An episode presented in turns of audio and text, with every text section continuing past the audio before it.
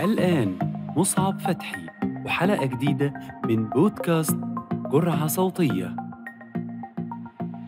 السلام عليكم ورحمة الله وبركاته. أهلا وسهلا بكم جميعا معكم مصعب فتحي وهذا بودكاست جرعة صوتية. اليوم بنتكلم عن الركن الأهم في حياتنا الحاضر الغائب آه، آه، دوما وهو ركن الصحي. الصحي بكل عاداته ومفاهيمه ومصطلحاته بكل سلوكياتنا اللي فيه بكل هذه الأمور. عنوان حلقة اليوم آه، زي ما هو موجود قدام حضراتكم ما الفرق بين ال low carb وال keto diet؟ الحاجات دي الحقيقة محتاجين نتكلم عنها ومحتاجين نصحح المفاهيم ونوضح كل شيء. اليوم معنا ضيف عزيز وخبير ومتخصص في مجاله معنا الاستشاري الدكتور عبد الهادي بيمه السلام عليكم يا دكتور. عليكم السلام ورحمة الله. أهلا وسهلا. حياك ازي حضرتك يا رب؟ تكون بخير إن شاء الله. الله يحفظك أستاذ الله يسعدك يا رب. أنا بالنسبة لي طبعا يعني غني عن التعريف. مش محتاج إن أنا يعني أتكلم مع حضرتك. لكن حقيقة يعني ربما يكون بيتابعونا ناس أو بيسمعونا الآن لأول مرة فمحتاجين نتعرف عليك بشكل أكتر. طبعا أنا دكتور عبد الهادي إبراهيم حسين بيمه طبيب خريج كلية الطب جامعة الملك عبد العزيز. وبعد ما انتهيت من بكالوريوس الطب والجراحة حصلت على الزمالة من الكلية الملكية الأسترالية لعلوم الأمراض في الكيمياء المرضي. وبعد وبعد الزمالة يعني صار عندي اهتمام واطلاع وحصلت على شهادات معتمدة على استخدام الأغذية منخفضة النشويات أو الكربوهيدرات لعلاج الأمراض المزمنة كالضغط والسكري والسمنة المفرطة أه والحمد لله رب العالمين يعني بفضل الله تابعت مرضى تخلوا عن الأدوية وهو من من من هذه الأمراض المزمنة والحمد لله. ما شاء الله ربنا ينفع بك يا دكتور. المملكة العربية السعودية جدة صح كده؟ أيوه نعم نعم, نعم ما شاء الله ربنا ينفع بيك يا دكتور. طيب آه ندخل في الموضوع على طول عشان وقت حضرتك ووقت المستمعين. آه دكتور يعني ما أعتقدش إن الحلقة دي ينفع تمر بدون ما نبدأ بالسؤال الأهم. إيه الفرق بين ال low carb وال keto diet نسمع عن بعض المصطلحات كده. أنا بالنسبة لواحد زي حالاتي كده يعني يعني أعتقد أنا وغيري كثيرين يعني بنسمع دايما عن حاجة اسمها الصيام المتقطع. لو تكلمنا أكثر عن المفاهيم دي يا دكتور نفرق ما بينها توضحها لنا. آه جدا طبعا. بالنسبة لموضوع ال low carb يعني الأغذية المعتمدة ال low carb بشكل عام هو عبارة عن اسم. آه تقدر تقول ان هو مظلة عريضة شوية. آه يختلفوا طبعا المختصين والخبراء في إدخال بعض الأنظمة الغذائية تحت مظلة اللو كارب أو أو من عدمه. لكن آه هي عبارة عن مدرسة تعتمد في طريقتها لإنقاص الوزن أو معالجة بعض الأمراض بخفض نسبة النشويات والكربوهيدرات في الغذاء.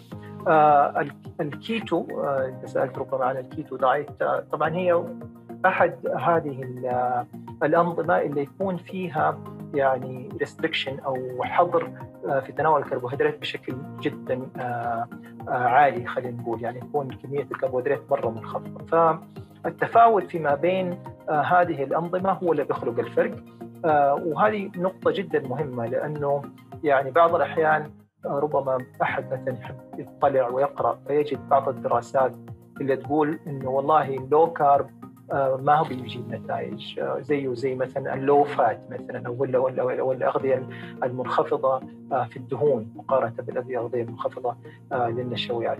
يكون الإشكال هنا حقيقة في التعريف زي ما أنت سألت إنه يعني الدراسة دي عملت وعرفت النشويات المنخفضة بتعريف مثلا معين زي مثلا يكون أقل مثلا من مثلا خلينا نقول 300 جرام في اليوم. وهذا حقيقة بالنسبة لنا ابدا ما هو ما يعتبر carb يعني. فبالتالي طبيعي إنه ما حيجيب نتيجة. آه وهنا بيصير الخلط على إنه والله ال low carb أو الكيتو ما بيجيب نتائج وكذا لأنه الدراسة أساسا ما طبقت الموضوع بالطريقة الصحيحه. الآن آه الجمعية الأمريكية للداء السكري اعتمدت آه الأنظمة المنخفضة آه للنشويات كطريقة لعلاج الداء السكري وهم يعتبروا وهذه تعتبر خطوة جريئة مقارنة من الأول كانوا يعني في تخوف وهذا تخوف من وجهة نظرنا إحنا غير مبرر في إنك أنت تنزل النشويات فالآن إنه ممكن يكون أقل من 130 جرام في اليوم.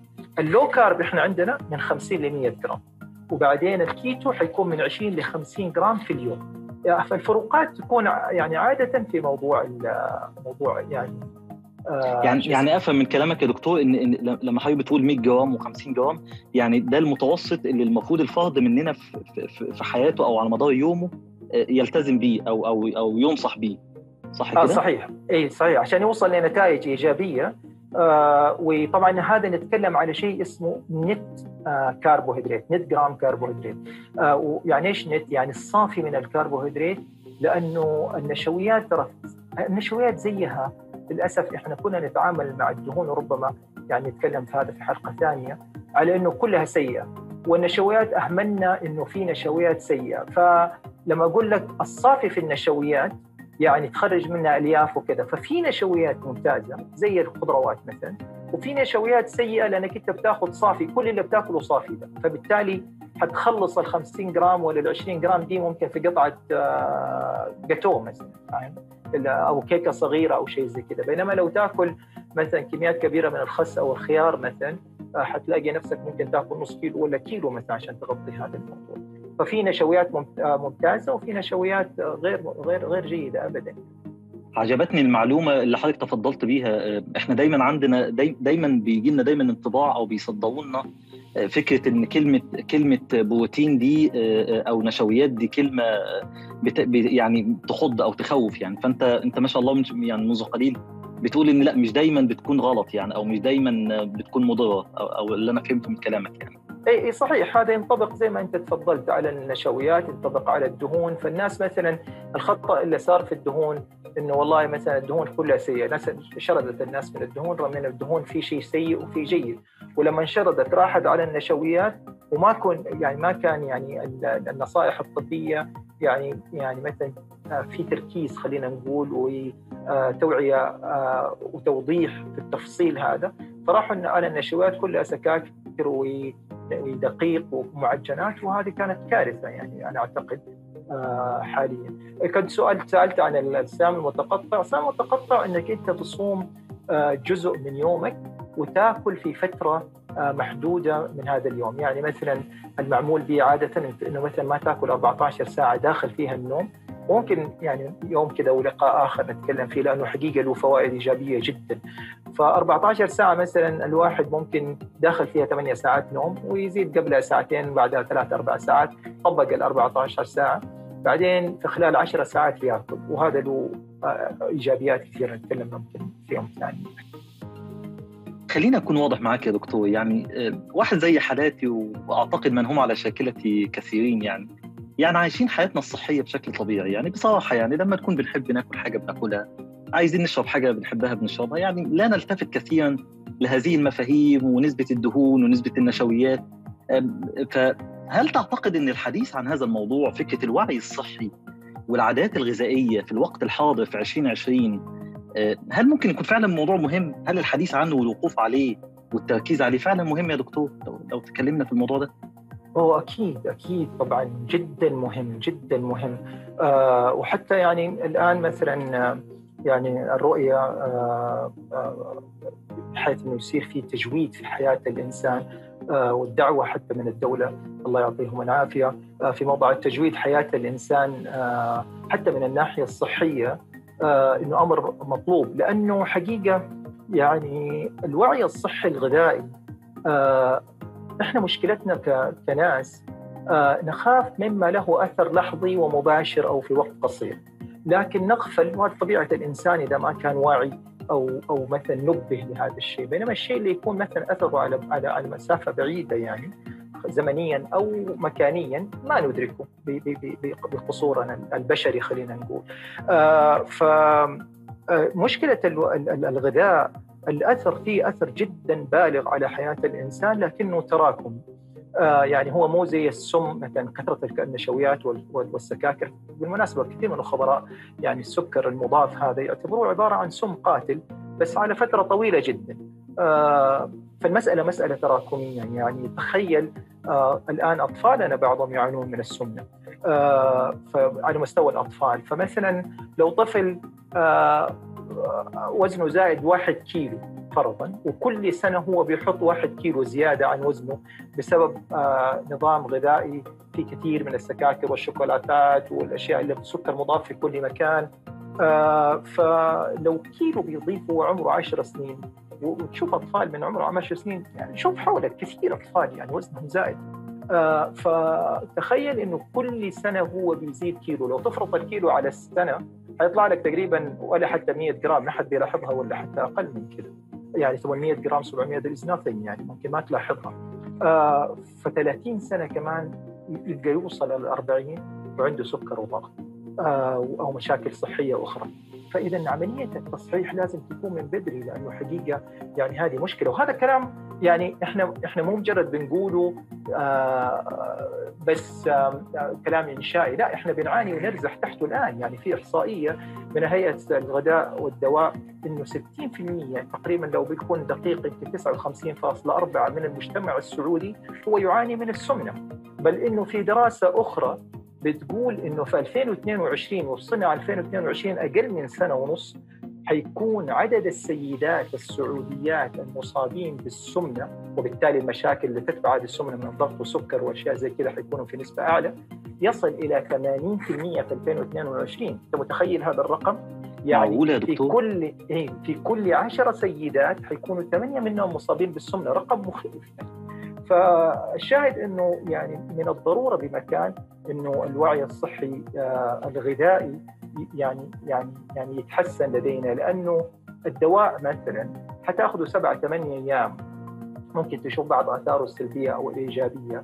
لكن الغذاء يعني في أثره على جسم الإنسان اسوء بكثير لأنه هو مو سبعة ثمانية أيام. هو تراكم أنت كل يوم إذا وعيك الصحي ومفاهيمك مغلوطة حتبدأ تكرر هذا الشيء طول عمرك فبالتالي أكيد حيكون له أثر جدا جبار في حياتك. أنا أنا أنا انتبهت الآن لشيء جدا مهم في كلام حضرتك يا دكتور. يبدو إن في مفاهيم مغلوطة عندنا كتير عن العادات الغذائية. يبدو إن في مفاهيم وعادات غذائية سليمة أو غير سليمة. يبدو إن الموضوع محتاج لا محتاج قاعدة ومحتاج حلقة ثانية فهل هل هل اللي أنا هل اللي أنا التفت ليه ده صحيح يا دكتور؟ فعلا موضوع المفاهيم ده؟ نعم. أكيد أكيد. ويعني يعني كمان أنا يعني ربما على قولك اذا كان في حلقه ثانية ويعني أنا حقيقه اتمنى ان يتاح لي فرصه اتكلم فيها عن موضوع حتى كمان المفاهيم المغلوطه ترى حتى على مستوى الممارسات الطبيه يعني مثلا وممكن نتكلم في أكثر من من جانب من هذا الشيء فالناس تعذر اذا كانت اخطات لأنه كانت في اشياء حتى إحنا تراجعنا منها يعني ممكن نتكلم مو الان خلينا نتكلم عن الكوليسترول وهو موضوع شائك لكن تراجعت بعض المنظمات الدولية والكل الآن متفق في أشياء تخص الكوليسترول ممكن نتكلم عنها في الحلقات القادمة. ففي مفاهيم مغلوطة لابد أن تعد. نعم. شوقتني شوقتني والله يا دكتور. وأعتقد إن اللي بيسمعنا الآن يعني بقى متشوق كمان إنه يدخل في الموضوع وناخد حتى الموضوع من باب حتى الثقافة العامة لأن فعلا أنا اقتنعت جدا بكلامك في في الحتة بتاعت أهمية الحديث عن هذا الجانب يعني. أنا مش عايز أطول عليك يا دكتور علشان وقتك يعني وعلشان حتى وقت المستمعين لكن خلاص خلينا نتفق إن لازم ندخل في حلقة ثانية وثالثه ورابعه كمان نتكلم عن موضوع المفاهيم ونوضحه أكتر بحول الله إن شاء الله تعالى. شاكر جدا لوقتك يا دكتور. خليني برضو أنوه للإخوة والاخوات المستمعين. الدكتور عبد الهادي بيما له وسائل تواصل طبعا وله موقع إلكتروني رسمي www.hadilcd.com وهتنزل وسائل التواصل كمان أسفل الحلقة لمن يريد أن يتواصل مع الدكتور. الدكتور ما شاء الله طبعا أنا متابع شخصي لحساباته يعني منشورات جميلة وبينزل معلومات رائعة جدا جدا في هذا المجال. نتمنى كلنا إن شاء الله تعالى إن إحنا نتابع ونستفيد وننهل من علمك يعني.